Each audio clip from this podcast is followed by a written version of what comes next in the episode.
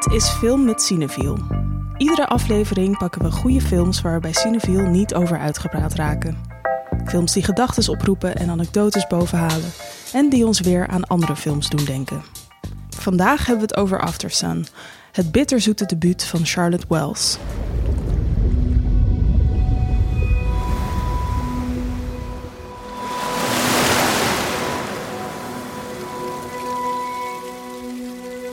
Why don't you go over and introduce yourself? Dad, you know, they're like kids. Why don't you go over and introduce yourself? Sophie, they're like old.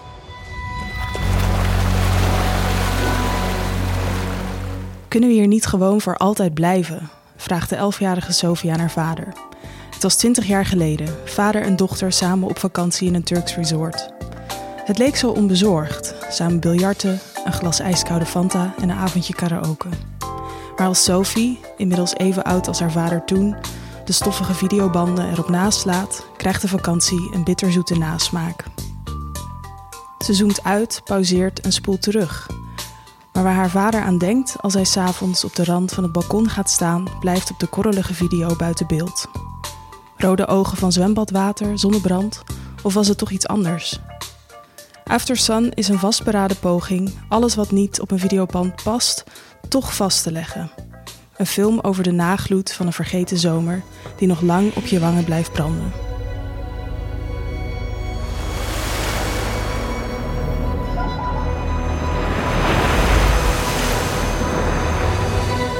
Wish we could have stayed for longer.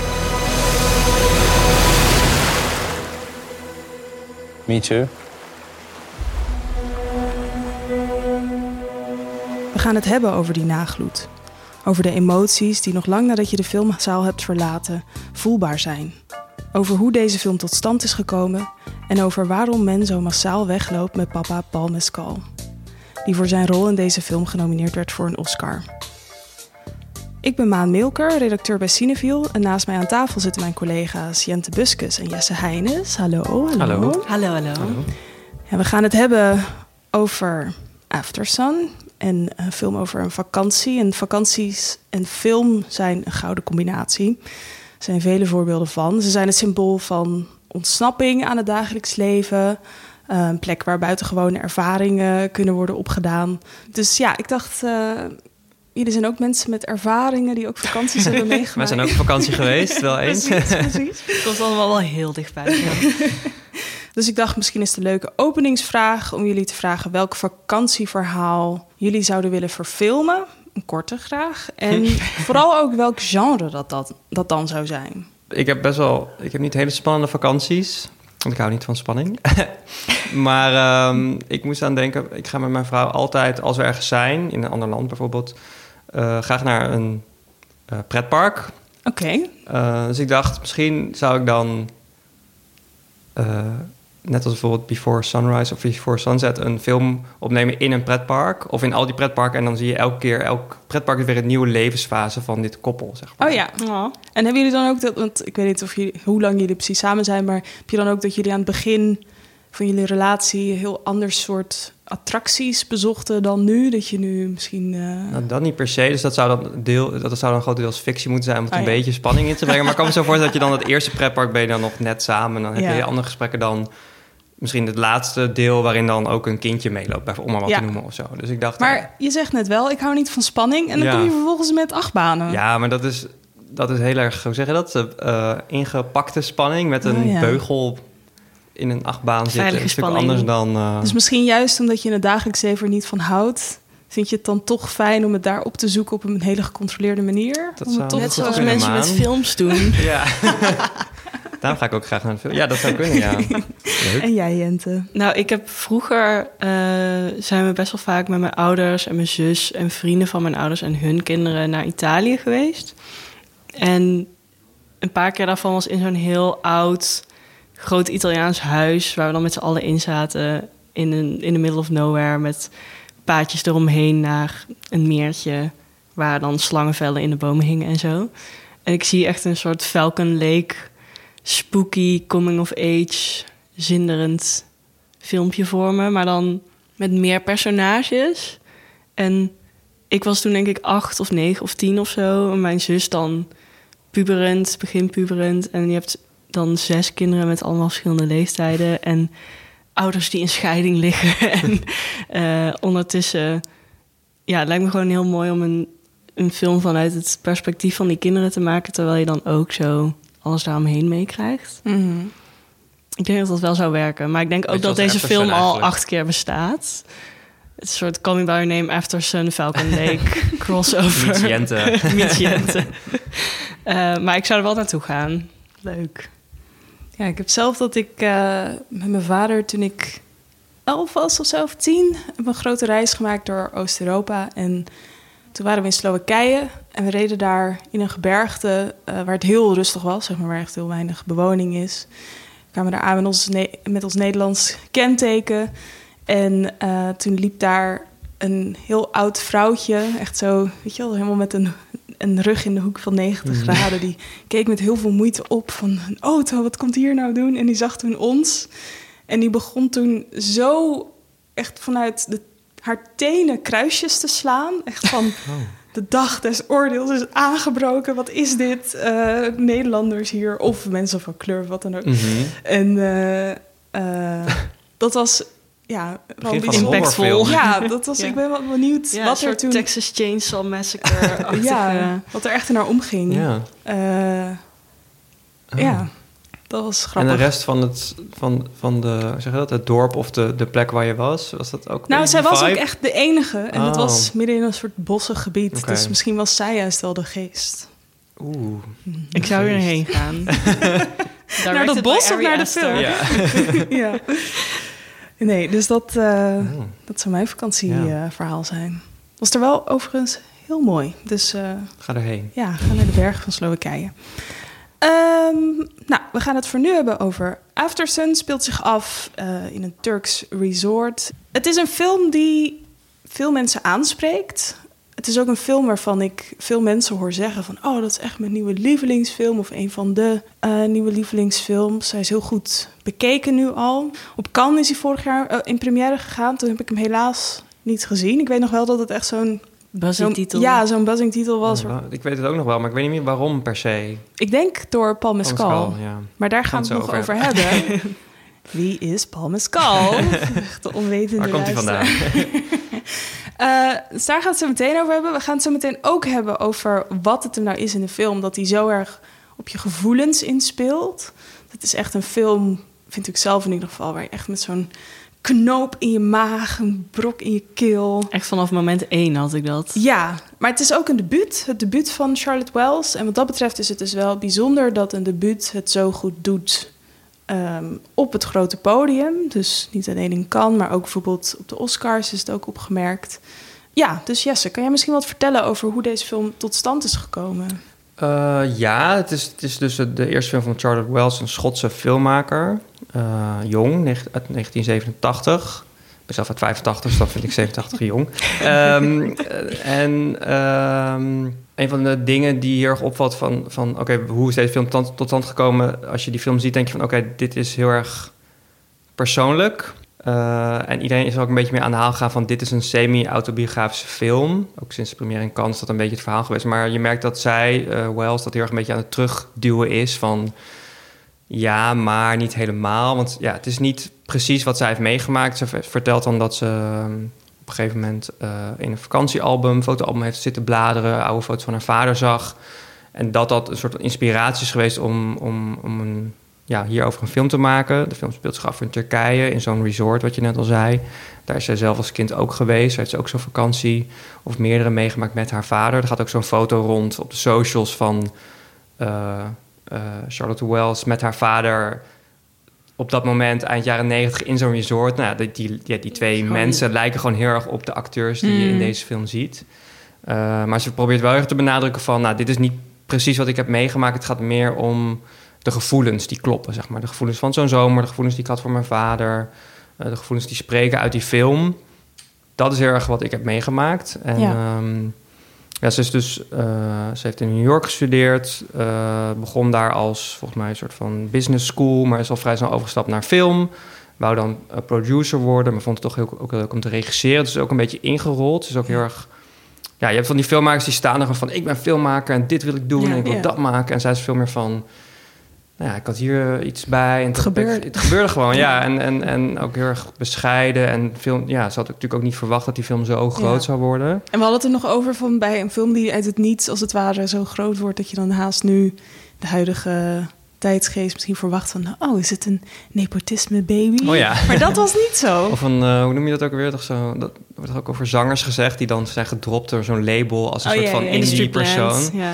Eh, maar zij heeft wel, in, in principe heeft ze wel gewoon die weg bewandeld van stu- studentenfilms die dan Ja. opvallen. Ze is bij eh, het filmfestival eh, Sundance, is zij dan opgenomen als een van de talenten die dan daar haar script of film Ja. mag ontwikkelen.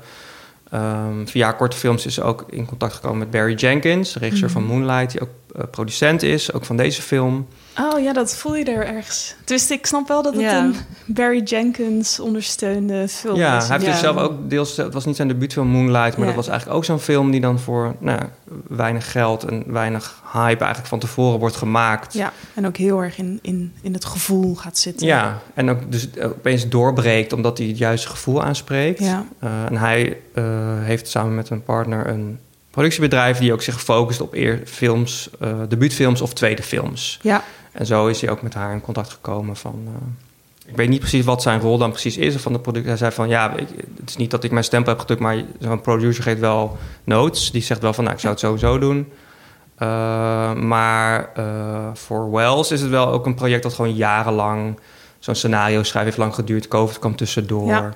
En ehm, ja, het, is wel interessant als je wat interviews met haar leest, hoe dat dan gaat. Van, ook, ze voelt ook een beetje, nou ja, inderdaad onzeker of zo. Van ja, je, beg- je begint ergens aan en je neemt dingen op. Ik heb dingen eruit gesneden, dingen erbij gedaan. Ook de muziekkeuzes zijn af en toe geswitcht Ja. en vallen op een gegeven moment op hun plek. hele fijne, hele uitgebreide soundtrack. Ja, Zo goed. die ook inspeelt op de feels. Ja. Dus, ehm, nou goed, een hele interessante maker waar gewoon uit alle soorten spreekt inderdaad van... Ik ging iets persoonlijks maken, maar dus niet mijn eigen leven. Ja. Ik, volgens mij, ik tegen iedereen die ik de eerste week zei... oh ja, dit is precies wat zij heeft meegemaakt. Nou, dat klopt dus niet. Ik, bij deze is dat teruggetrokken. Ehm, en ehm, ja, ze zei daar bijvoorbeeld zelf ook over van... Het, want ik had zelf ook het gevoel van die details die erin zitten. Je had het net over Fanta. Nou, dat meisje bestelt op een gegeven moment... Sophie bestelt op een gegeven moment een Fanta Lemon. Ehm, hoe zo'n resort eruit ziet. Het voelt Mhm. gewoon zo erg van...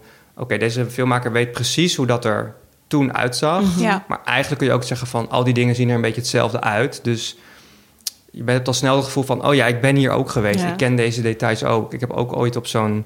bij zo'n arcade ding op zo'n computermotor gezeten... en ik had geen geld. En toen was er een vriendje die dat wel had. Weet je, soort van... Het is eerder een soort collectieve herinnering aan Ja. vakanties van een bepaald soort in de jaren negentig... dan dat het haar specifieke herinnering van één vakantie is. Ja, natuurlijk op zich ook wel, maar niet van... oké, we gaan nu terug naar het resort waar ik als kind ben geweest. En Ja. dan valt het allemaal op zijn plek. Maar eh, En als we het hebben over die gevoelens, die dus voor haar wel in zekere zin autobiografisch zijn. ehm, welke gevoelens, ja, Jente, met welk gevoel ging jij, stapte jij de zaal uit? Dat je echt dacht van. wow. Ik had echt het gevoel dat iemand zo anderhalf uur mijn hart in twee handjes had gehouden... en zo langzaam maar zeker meer druk erop aan het uitoefenen was. Ehm, En waar, waar zit hem dat in, denk je? Ik denk dat het een hele ehm, geduldige film is. Waardoor je niet een soort van heel klimactische momenten hebt... waarop je in tranen uitbarst of heel hard moet lachen of heel bang wordt of zo. Ehm, maar het is juist een film die dat heel langzaam op kan bouwen... en waar je misschien twee weken later pas aan denkt en dacht van... wow, ik ben hier super emo door of zo. En dat, dat zit hem heel erg in het ritme, denk ik, van de film. In, in hoe. Het lijkt echt als, alsof de film ademt, letterlijk in het sounddesign en in de editing en de cameravoering en zo. En daar, daar wordt gewoon heel erg de tijd voor genomen. Het, het verhaal bouwt zich heel erg stukje bij beetje op. En je hebt gewoon vanaf de eerste scène het gevoel van... hier zit iets niet goed of hier, hier Ja, er speelt meer. hier, hier speelt meer dan wat we zien en, en er, er broeit iets onder het oppervlak. Ehm, en dat explodeert niet, maar dat blijft gewoon heel lang malen en broeien eh, totdat je zeg maar zelf denkt: ik moet hier iets mee of eh, je kan het ook heel erg zelf invullen. Dat vind ik Mhm. zelf ook heel erg fijn daaraan. Dat het niet een hele... Het is geen hele expliciete film daarin. Ja. En dat, dat werkt op mijn gevoelens tenminste beter dan een echt tearjerker of een, eh, een Ja. hele enge film of zo. Ik vind het wat dat betreft ook heel goed werken dat het een terugblik is. Dus dat wij Mhm. eigenlijk door middel van de Sophie, van nou ja, dus dat ze nu 30 is of even oud als haar vader toen zij met haar vader op vakantie ging, naar die videobanden terugkijkt. En ja, wat ik daar mooi aan vind is dat als het misschien verteld was puur vanuit de jonge Sophie, dan had je veel meer eh, context moeten bieden om echt goed Mhm. uit te leggen dat zij dingen nu anders ziet. Of dat er ruimte is om dingen anders te zien dan hoe je dat misschien als kind ziet. Ja. Dus die kinderlijke onschuld eh, die veel kinderen hebben. Natuurlijk heb je ook kinderen die eh, niet het geluk hebben om dat echt te kennen, zeg maar. Dat zit bij haar ook wel een beetje op het randje bij Sophie. Dat je Mhm. nou denkt van, heeft ze nou echt door of niet? Maar ik, ja, ze heeft dingen ook weer niet door. Want ze vergeeft haar vader wel een soort van meteen voor alles of zo. Ja. Weet je wel? Of als hij, en dat vind ik dan wel eens echt zo'n teken van... ja, het is wel echt een klein kind wat Mhm. gewoon denkt van... ja, maar ik wil ook gewoon dat papa een leuke vakantie Mhm. heeft. Dat papa is jarig en zo, weet je wel. Zo van, Dat we allemaal voor hem zingen. ja, en dat Ja. maakt het, dat maakt het heel. Dat maakt het voor mij dat het meteen heel erg eh, ja, op het gevoel inspeelt. Omdat je ziet hoe erg dat kind het, het goede wil. En je ziet hoe erg de vader dat op zich ook wil. Maar ja, door van alles wordt tegengehouden om in volle vrijheid of in, volle, in vol plezier die vakantie te beleven. En dat ergens ook op haar afreageert. Wat je nou ja, vanuit een volwassen perspectief iemand wel misschien kwalijk zou nemen Ja. dat hij zijn probleem op zijn kind afreageert, zeg maar. Of dat dat doorklinkt in die relatie. Maar in die film, omdat het toch voorna- voornamelijk ja, ons fo- zich focust op de blikken van Sophie en wat zij doet. En eh, oh, nou, ik, ik klop aan, wordt niet open gedaan, nou dan ga ik op de bank liggen. Weet je wel? Gewoon, zij denkt altijd in oplossingen en in komt wel goed of zo. Mhm. Ja. En dat, dat geeft zo'n mooi contrast met die vader die eigenlijk een soort van op het randje zit van... oh mijn god, waar ben ik in beland? Ja. Gaat het ooit goed komen? Wat is dit? Wat is het leven? Kijk, mijn kind, lekker optimistisch zijn om Ja. alles. Weet je wel, wat moet ik daarmee? Dat, ja, dat contrast vond ik heel... Ik vond het ook heel mooi hoe dat gecontrasteerd wordt met het, ehm, hoe zij ook op bepaalde momenten echt heel erg gelijk aan elkaar zijn en heel erg goed met elkaar overweg kunnen. Ze, Mhm. eh, Charlotte Wells zei ook in een interview dat ze partners in crime zijn eigenlijk. En daar was ik het al heel erg mee eens. Je ziet echt, ja, zij willen gewoon ook met elkaar op vakantie. Niet alleen maar Ja. omdat het een vader is die nou eenmaal zijn dochter mee moet nemen, maar ze kunnen het echt heel leuk hebben met elkaar. Ja, En dat maakt het dan extra. ehm, nou ja, pijnlijk is misschien een te groot woord, maar op de momenten dat dat niet lukt, is het extra frustrerend en extra wrang. Om, omdat je weet van, oh, ze willen het wel heel graag. ja. Ja, en het, hij wil ook een goede vader zijn. Alleen Mhm. ja, op de een of andere manier zit er toch een, eh, een beperking... om het dus die vakantie te laten zijn die je een kind als Sophie gunt eigenlijk. Ja, ik, ik had wel... eh, wat me wel opviel bij het kijken van de film... was dat ik me ook erg met de vader identificeerde. Ondanks dat Sophie in mijn ogen duidelijk de hoofdpersoon is. En dat, was, dat kwam voor mij wel echt als een moment van nadenken over het voortstrijken van de tijd in mijn eigen leven. Mhm. Een soort van dat ik echt zo opeens dacht van... wow, een vader van 31. Nou ja, ik ben zelf ben ik nog niet 31, maar ik heb wel vrienden die dat zijn... en die dan ook een kind krijgen of wat dan ook. En dat was opeens iets heel tastbaars. Dat ik echt zo dacht van... wow, moet je je voorstellen dat die vrienden die ik heb... opeens een kind van 11 hebben... Ja. Dat is echt iets heel. ja, dat, dat zijn inderdaad mensen die eh, in het weekend in de club staan of wat dan Ja. ook. En ook hun problemen hebben. En terwijl als je nadenkt, als ik kijk naar. eh, toen ik zelf kind was en keek naar ouderfiguren in films of wat dan ook, dan waren dat altijd hele stoffige mensen. Of Van mensen die een shit together hebben eigenlijk. ja.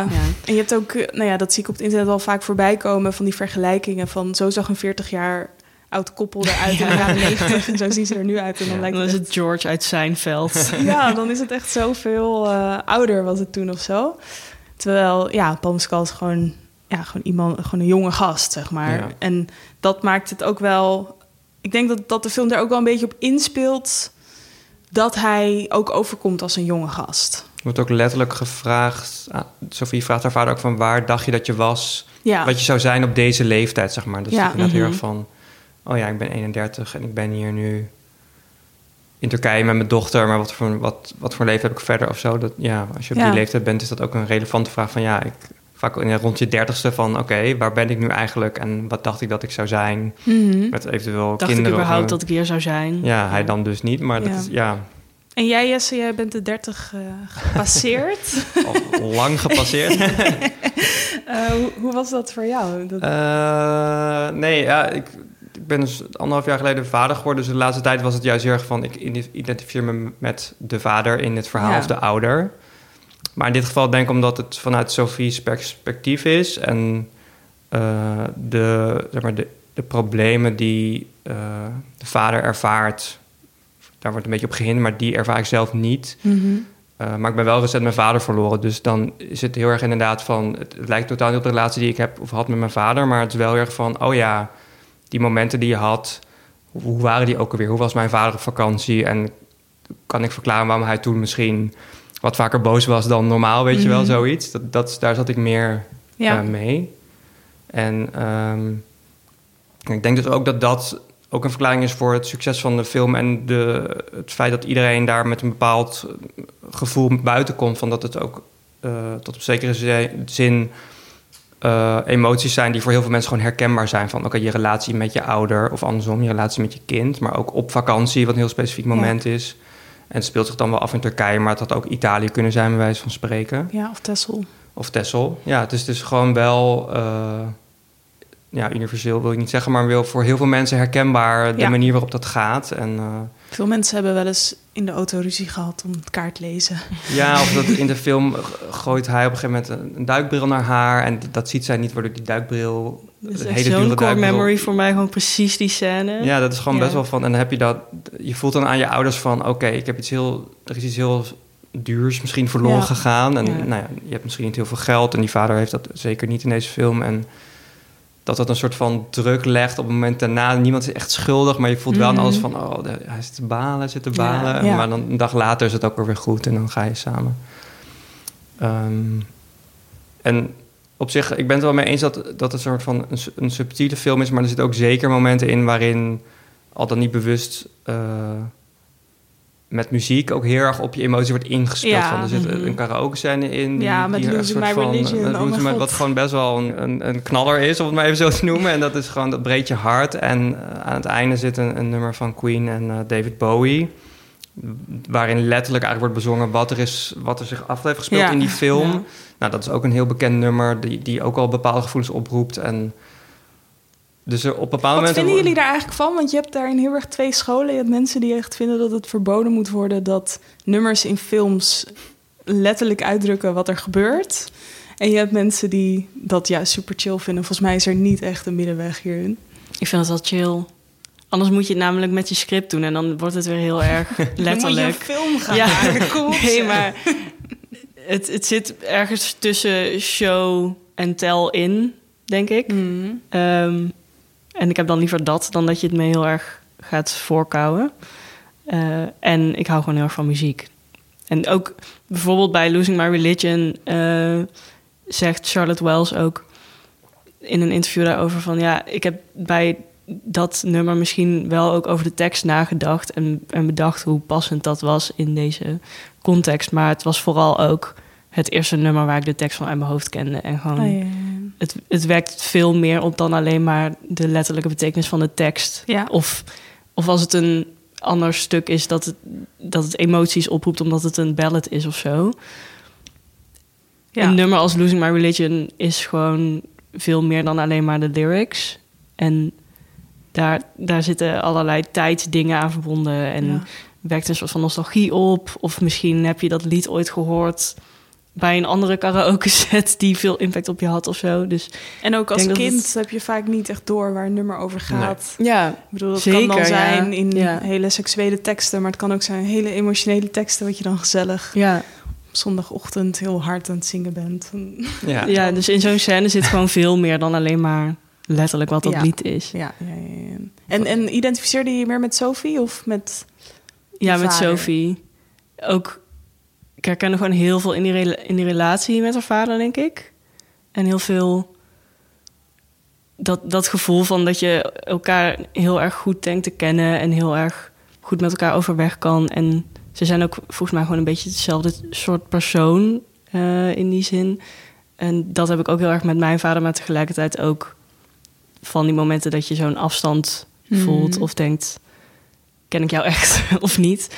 En ook ehm, dat idee van terugkijken en later beseffen dat je dingen niet hebt gezien. Of Ja. dat dingen die je als kind ervaarde als... ik heb gewoon heel veel Fanta Lemon gedronken in een week... en Ja, eh, heel veel gezwommen en zo. Die herinner je dan tien of twintig jaar later heel anders. ja. Dus dat vond ik wel echt... Ja, ik zag mezelf daar heel erg in terug. Ja, en sowieso ook het hele idee van gescheiden ouders... en dat er dan op zo'n vakantie een soort ander soort druk komt te liggen. Mhm. Misschien dan wanneer je ouders niet gescheiden zijn. Dus zo van beide vakanties moeten leuk zijn. Beide vakanties... Weet je, het is in sommige ouder-kind-constellaties... ziet de ene ouder het kind veel minder dan de andere ouder. En dan is juist de vakantie zo'n moment... wat volgens mij hier ook het geval is in After Sun. Ja, dat, dat de vader haar eens een keer wat langer ziet. Ja. Weet je, dat soort... Ja, en dat die druk ook niet altijd realistisch is. Ik zou, ik, ik zou echt niet meer weten van Nee. vakanties of die nou allemaal perfect waren of niet. Het was gewoon leuk dat we het mochten doen, weet je wel. Ja. Nou ja, we hadden het er net al even over dat een van de factoren die deze film tot een ehm, onvergetelijke maken, zou ik het zo zeggen, Mhm. dat is eh, meneer Paul Mescal. Zeg, spreek ik het goed uit of is het Mescal? Mescal? Dus hij is Iers, Geen toch? idee, hij is Iers, ja. Mescal, Maar nou, Paul, Paul Mescal. niet te verwarren met Pedro Pascal. Ja, die, Die hou ik ook heel erg hot is. In, in beide zinnen van het woord. ja, Maar dat is een ander gesprek. sorry. Is een andere TikTok eh, rabbit Ja. hole. Ehm, Paul Mescal was daar opeens met de release van Normal People. Ja, Wow, ja, maar ik dacht opeens Klopt. van, heb ik het nou goed als dat Was het die ander? Nee. nee. Nee, met Normal People, ehm, natuurlijk bestond hij daarvoor al wel, maar dat was het moment dat hij in de popculture werd gecatapulteerd. En hoe als de nieuwe boy next door, de... Emotionally stunted crush. En inmiddels, eh, ja, gaat het, ja, het gaat dus gewoon. Het is een van die sterren waarbij het niet alleen gaat om, goh, wat kan hij acteren, maar ook van, goh, wat is dat eigenlijk voor, eh, voor leuke jongen? En ja, dat is nog steeds gewoon currency om een bekend iemand te worden en daarin ook eh, ja, dat goed te onderhouden, om het zo te zeggen. Is iemand die heel zenuwachtig is op het moment dat hij awards in ontvangst neemt. Wat ik wel verfrissend vond om Ja. iemand met rode uitslagvlekken in Oh, ja? te zien. Ik denk altijd is het een act, maar als er dan rode vlekken verschijnen... ja, dan moet je wel eh, heel goed acteren. Dat, eh, Ja, Jente, kan jij ons misschien eventjes wat vertellen over de Paul Mescal Universe? Universe. Jazeker. Uh, hij, Heb je eh, heb je even. Eh, ik ga jullie even door mijn eh, TikTok for You page ne- nemen van de afgelopen drie jaar. Ehm, hij is begonnen vooral als theateracteur. Hij heeft echt heel veel theater gedaan voordat hij überhaupt eh, film of televisie ging doen. En Normal People was eigenlijk zijn eerste rol op camera. Eh, wat dus ook meteen een enorme, ehm, een enorm grote rol werd. Eh, ook omdat dat boek waar die serie op gebaseerd was, heel populair was. Ehm, en die serie werd meteen genomineerd voor allemaal BAFTA's en Emmys. Hij heeft ook een BAFTA gewonnen en een Emmy-nominatie gekregen. En volgens mij kwam Normal People in 2020 uit. Ehm, dus zeg maar, tijdens de hele coronapandemie werd het een soort van sneeuwbal-effect van Tiger zijn King en je had carrière. Normal People. Ja, je- de- dat was Tiger zeg maar de King, twee, oh de twee uitwassen van, van media in 2020. Je kon of Tiger King kijken of Normal People. Ehm, en daarna zat hij in een eh, video voor de Rolling Stones. eh, wat natuurlijk ook best wel een groot platform is. En ehm, kreeg hij een relatie met Phoebe Bridgers, een Amerikaanse zangeres. En zat hij in een videoclip van haar. En op een of andere manier hebben zij een soort van dezelfde niche publiek wat ze aanspreken, waar, waardoor iedereen helemaal wild ging op die relatie ook. En iedereen helemaal geobsedeerd raakt door de foto's van hun met hun puppy en Halloween outfits en zo. Ehm, ja. Eh, dus pri- privé en publiek lopen heel erg door elkaar in zijn roem, eh, heb ik het idee. En, en ook eh, de andere rollen die hij daarna heeft gehad, zoals in The Lost Daughter. daar zat hij dan weer met Dakota Johnson in, wat ook weer een soort van synergie, synergie effect had. Ehm, en dat, Om, om, haar, om haar fans of... ja, allebei. Zeg maar, zij had een momentje toen en hij zat in een film met haar, dus dat helpt dan weer. Oh ja, op die manier. Ehm, hij is nu ook gecast in een nieuwe film van Garth Davis. Foe heet die film. Met Saoirse Ronan, die ook ja, een soort van op de top van de faam zit misschien. Ehm, dus het, lijkt een soort van effect te zijn waarbij jonge sterren die online heel erg geliefd zijn, dan in elkaars universum doorbloeden en daardoor nog meer hype om zich heen krijgen. En bij Paul Mescal is dat gewoon een, een, een mega-effect geworden. Ook omdat hij gewoon een heel goed acteur is trouwens. Die, ik wil daar niet van afdoen. en Ehm, toch vind ik het daarin wel interessant dat als je bijvoorbeeld kijkt naar andere supersterren zoals Brad Pitt of Leonardo DiCaprio van eerdere Mhm. generaties. Daarbij had ik echt het idee dat mijn oma die ook kende, bij wijze van spreken. Mhm. Alleen bij Paul Mescal, als ik echt zo aan een random vriend die op zich wel naar de film gaat, dat vertel van mijn leeftijd, dan, dan heb je zo 50-50 van kent die persoon hem. En het komt denk ik ook echt door de invloed van ja, hoe die fancultuur wordt gegenereerd. Het is veel minder via algemene media en veel meer via specifieke media. Algoritmes van bijvoorbeeld TikTok. Nou ja, Ja. ik heb één keer iets met hem erin geliked en gelijk is het echt gewoon onuitroeibaar onkruid Ja. op mijn feed, weet je gewoon alle, alle edits en inderdaad ook dan... Ja, dan, dan kom je dus inderdaad via Saoirse Ronan ook weer bij eh, Timothy Chalamet. Chalamet terecht. En, ik dan weer bij Florence Pugh. Ja. En dan weer bij Maya Goth. En Maar wat ik er wel eh, nou ja, leuk aan vind, is dat het wel veel ook gaat om de films waarin ze spelen. Dus Mhm. bijvoorbeeld eh, nou ja, de bekendste, het bekendste filmpje van Timothy Chalamet is een scène uit Call Me By Your Name, Ja. waarin hij danst. En dat is dan in slow motion. En weet je wel, maar dat, dat ge- geeft denk ik toch ook een generatie die eh, chronisch online is, ook een inkijkje in wat er speelt in filmland. Ja. Omdat het niet alleen maar gaat om rode loperplaatjes of interviews bij eh, late night talkshows, maar juist ook om echt ja, hoe zij eruit zien in de film, wat ze doen in de film, waar de film over gaat. ja. Ehm, ja, gewoon alles wat hij aanraakt willen mensen zien. En het is niet alleen dat ze hem willen zien, maar mensen vertrouwen ook bij dit soort sterren er volgens mij op van... Oh, als Paul Mescal erin zit, dan zal het wel een goede film zijn. Mhm. En dat heb- hebben mensen ook bij bijvoorbeeld, ik, ik tenminste, bij Florence Pugh. Er zijn een paar van dat soort acteurs die gewoon de harten van filmliefhebbers hebben veroverd met hun keuzes voor rollen. Eh, en dan in combinatie met een goede publicist werkt dat gewoon heel erg goed. Ehm, maar inderdaad, het, het fijne daaraan is dus dat het ook daadwerkelijk mensen naar de film trekt. mhm. En bij Paul Mescal vind ik het vooral heel mooi dat hij heel veel rollen in films van vrouwelijke makers eh, heeft gehad tot nu toe. En heel veel ja, kleinere debuutfilms of indie-projecten of zo.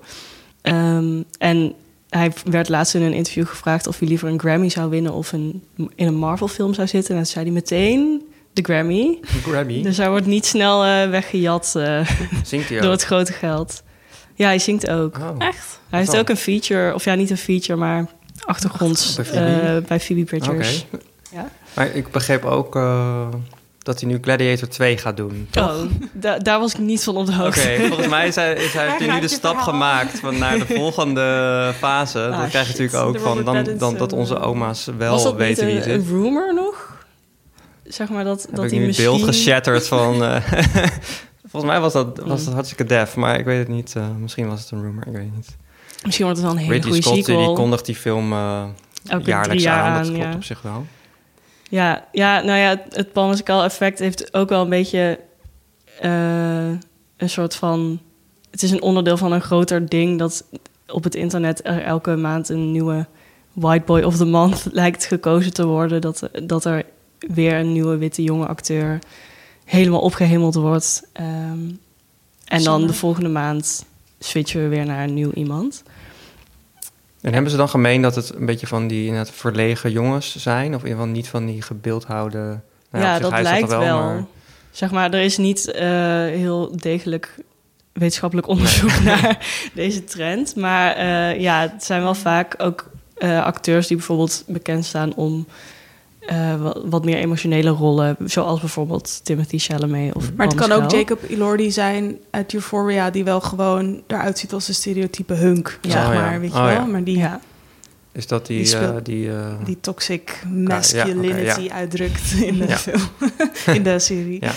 Ja. Eh, En dat werkt heel interessant, want heel veel, zeker op Twitter, eh, zijn er heel veel van die professioneel-achtige accounts, zoals filmupdates en popbase en zo, die dan de, het gevoel geven van dit is een soort van serieuze publicatie, zoals de Hollywood Reporter, maar volgens mij gewoon door twintigers met een internetverbinding gerund worden. kan ook serieus zijn. Ja, kan ook heel serieus zijn. Eh, ik spreek uit ervaring. Ehm, maar je merkt daarin gewoon heel erg dat die accounts ook gewoon heel erg persoonlijke voorliefde hebben. Dus dan zie je de afgelopen maanden bijvoorbeeld dat als Paul Mescal ademt, dan is daar een tweet over. Ehm, En die krijg jij dus te zien. en die krijg ik te zien. Zeker in, in het nieuwe algoritme van Twitter. Ja. Maar ja, het is dus wel heel, eh, ja, heel interessant dat dit zo, zo'n enorm effect kan hebben voor eh, vooral witte mannen en niet voor andere mensen. Ehm, en zeker bij acteurs, als het gaat om awards, hype of zo, dan blijkt toch weer dat dit soort hype en dit soort voorliefde heel erg in het voordeel werkt van bepaalde mensen. Ehm, en dat zorgt er dus ook voor dat de namen waar we het veel over hebben in de filmwereld, eh, zowel als filmfans als filmmedia, eh, vaak de witte mannen blijven die we al kennen, of die we net kennen, maar waar we helemaal geobsedeerd mee raken. Vind jij het ook interessant, Jesse? Ja. Zeker. Eh, nee, ik zit gewoon te denken... Ik, ik, ik vind het gewoon zo moeilijk te koppelen aan uiteindelijk wat er dan gebeurt. Want wij hebben het dan Ja, natuurlijk over ja. Aftersun als een enorme hit. Zeg maar in Cineville is het een hit. Eh, bij Mubi, die die film eh, al vrij snel heeft aangekocht in Cannes... wat een streamingplatform is... is het dan de best bekeken film op Mubi ooit. Maar inderdaad, in de, in, de, in de grand scheme of things... mijn moeder weet niet wie... Nee. Die heeft niet van deze film gehoord bij van spreken. En... eh, Maar heeft jouw moeder wel van Ant-Man 2 gehoord? Nee, dat misschien ook niet. Maar wel van Brad Pitt, weet je wel? En Ja. Die, die, is er, die is er ook nog steeds. Maar die is al heel lang of zo. Dus, Ja. dus ik, wat je zegt van... eh, ik zie het vooral als iets positiefs... omdat het inderdaad het gevoel geeft van... ook kleine films krijgen nu ook aandacht Ja. eh, op zulke platforms. En het is niet alleen maar van wie het meeste geld heeft, wint uiteindelijk. Maar het is, het is ook heel moeilijk om er echt aan te verbinden... dat dan die films veel beter bekeken Ja. en bezocht worden. Ja, zeker. Eh, En er is ook best wel een tegenbeweging als je kijkt naar bijvoorbeeld eh To Leslie. Dat is een film die eh, via social media heel erg gepromoot is voor de Oscars. Ehm, en Andrea Riseborough is daar uiteindelijk voor genomineerd eh, als beste actrice. En ineens stond heel Hollywood op zijn kop van... hoe kan dit als iemand niet eh, via de gewone gebaande paden al... eh, ja, hoe kan het dat iemand zo een Oscar-nominatie binnensleept? Dat is niet de bedoeling. Je moet honderdduizend diners geven voor allemaal mensen... en je film miljoenen keren laten zien en allemaal handen schudden. En, Maar het was wel zo dat zij een netwerk had, toch? Van allemaal powerful. Edward Norton had over haar getweet. Ja, en ja, Kate Blanchett en zo. ja, Dus echt dat was- helemaal Het democratisch was is niet nou zo ook niet. grassroots. Maar- En toen was daarna ook weer van... ja, maar deze twee zwarte actrices die wel al die diners hebben gedaan... zijn nu weer niet genomineerd. Zo van, ja, het is gewoon... Daarvan denk ik inderdaad van... Ja, dat, dat is weer anders dan inderdaad van dan jonge mensen... die op TikTok Mhm. eh, montages maken vanuit een soort fandom... Mhm. Toen, eerst dacht ik van, oh ja, knap dat het gelukt is. Maar toen las je van, oh ja, ze heeft gewoon allemaal bekende vrienden gevraagd. Tenminste, Ja. haar manager of haar PR-persoon. Eh, maar ja, sowieso is dat die- bij die Oscars ook inderdaad heel gek hoe dat precies Ja. werkt. En waar je dan eigenlijk Ja. aan moet eh, verbinden. Ja, ik vind het ook wel interessant dat voor Aftersun alleen Paul Mescal is genomineerd en niet de regie of de Oh, ja. editing of het scenario Ja. of zo. Ja, dat is bizar eigenlijk toch? Want het Ja. is gewoon. Maar dat denk ik ook als, voor haar als filmmaker, als Sherlock Wells, die dan dus hem cast op een gegeven moment. En dan drie jaar later komt die film uit. Terwijl je al jaren bezig bent en hij is opeens een ster. Dat dat Ja. dan Ja. jouw film soort van grotendeels. Of tenminste dat het succes van die film Dat daar ook aan afhangt of zo. verdwijnt, ja. En- Maar ja, het is wel White Boy of the Month. zeker. Dus het gaat ook weer heel snel allemaal. Ja. Who's next? Dus het is ook echt aan Paul Mescal om wel met inderdaad goede projecten te blijven Ja. komen. Om Ja. die doelgroep ook aan zich te blijven binden. Ja. Ehm, Dus Gladiator 2 ja, kan maar beter heel goed zijn. Hij heeft wel echt een gladiator hoofd. Klopt, ja. Kan toch zo. Hij heeft wel eh, echt een beetje zo'n dat wat de jonge Romeinse- Joaquin Phoenix ook had. Ja. Goed. Volgende podcast. Ehm, ja, we hebben het weer lekker volgekletst. Ik eh, ben nog even benieuwd naar ehm, waar jullie naar uitkijken. Eh, in Cineville? Ja. ja. Je kijkt me aan, dat kunnen mensen niet zien. Maar ehm, ik kijk heel erg uit naar Inuo. Ik heb hem ook al gezien, maar ik wil hem graag, graag nog een keer zien. Het is van de maker van... eh, het is een Japanse animatiefilm van de maker van Ride Your Wave. Een film over een surfer. Eh, meisje wiens vriendje overlijdt. En eh, die komt dan weer tot leven. En het is gewoon een hele soort van bubbly film met leuke muziek. En eh, er zit een heel mooi shot in van hoe je koffie zet. Nou goed, dat, dat heb ik daarvan ook op onthouden. FFR, had hij ook een uitgelicht Oh ja, programma. Retrospectief, van ja. de special guests. En ik, had, ik had hoge verwachtingen van deze film. En in het begin dacht ik van, huh, waar kijk ik nu naar? Want het speelt zich af in de middeleeuwen. Heel erg veel termen en dingen van dingen die op dat moment spelen met shoguns en bepaalde kunstenaars. Dat soort van super overweldigend. Maar na een half uurtje of zo, dan eh, verandert het in een soort van rockopera met muziek die ook door Queen of Muse gespeeld had kunnen worden. En toen heb ik later echt met open mond zitten kijken naar hoe dan een, ja, een, een, een luidspeler verandert in een rockster samen met een, met een, een vervloekt persoon die dan als een soort frontman eh, naar voren komt. en eh, nou, ik vond het helemaal geweldig. Die is over twee weken, ik wil zeggen 14 maart, oh 16 maart komt die uit. Gaat dat zien. Ik ben heel benieuwd. Inuo. Ja. En jij, Jente? Ik kijk heel erg uit naar ook een film die ik al heb gezien. Saint-Omer. Eh, die heb ik eh, tijdens IFFR kunnen kijken. Een rechtbankdrama eigenlijk... wat gebaseerd is op een waar gebeurde zaak... van een eh, Senegalese vrouw in Frankrijk... die, haar, die beschuldigd wordt van het verdrinken van haar kindje. Ehm, en het is zo'n gelaagde film over wat de waarheid is, wat schuld is, wat ehm, verantwoordelijkheid is. En ook hoe, hoe we in, of eigenlijk hoe er in Frankrijk tot eh, die conclusies gekomen wordt. En of dat een echt zo'n universele manier is als gepretendeerd wordt. Want we hebben altijd het idee van een rechtszaak heeft een procedure die uiteindelijk uitkomt op een soort waarheidsbevinding.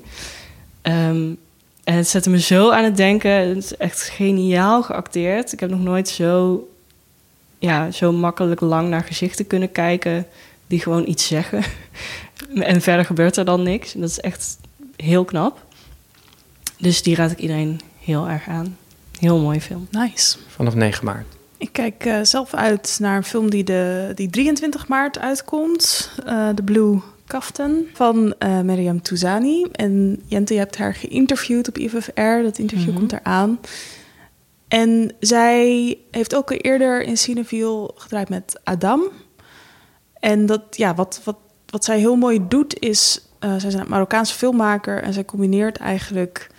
ehm, hele traditionele visuele vormen als eh, eetcultuur... of in dit geval, eh, hoe noem je dat? Eh, handbewerking van, ja, van stoffen. Oh, zo. Ja. Ja, ambachten inderdaad, met nou ja, we- best wel eh, grensoverschrijdende in die zin, of vernieuwende, grensoverschrijdende in positieve zin, en vernieuwende eh, verhalen. Dus hier gaat het in eh, de Blue Captain gaat het over een driehoeksverhouding die eigenlijk ja, de grenzen van liefde bevraagt. Het is tevens een verhaal wat gaat over homoseksualiteit binnen een cultuur waarbinnen dat ja, gewoon echt strafbaar is in de meest extreme vorm die mogelijk is. En eh, ja, en dan toch ook vanuit een perspectief van ja, hoe mensen zich daar een weg in proberen te vinden die misschien niet helemaal ideaal is, maar die wel ook met heel veel liefde ja, eigenlijk wordt uitgevoerd. Mhm. Ondanks de vervelende omstandigheden in die zin. Dus dat, ja, dat is echt een hele mooie, hele visuele film. Ehm, heel mooi in de oude Medina gefilmd, een oude binnenstad. En ehm, zeker een aanrader. 23 maart. Mooi. Maar het is een mooie maand. Goeie maand, ja. Zeker. En dat was hem weer. Film met Cineviel. After Sun is vanaf nu te zien in Cineviel. En ga er vooral zo vaak heen als je wil. Als je echt helemaal in het gevoel wil zitten. Weet welke films er nog meer ter sprake kwamen? Check de show notes op onze website. En wil je op de hoogte blijven van alles wat er speelt? Schrijf je dan in voor onze nieuwsbrief. Wil je meekletsen of heb je vragen? Dan kan je altijd bij ons terecht in de mailbox op podcast.cineviel.nl. En bedankt voor het luisteren en dankjewel Jente en Jesse. Graag gedaan. Graag gedaan, jij bedankt. En tot de volgende keer. Doei.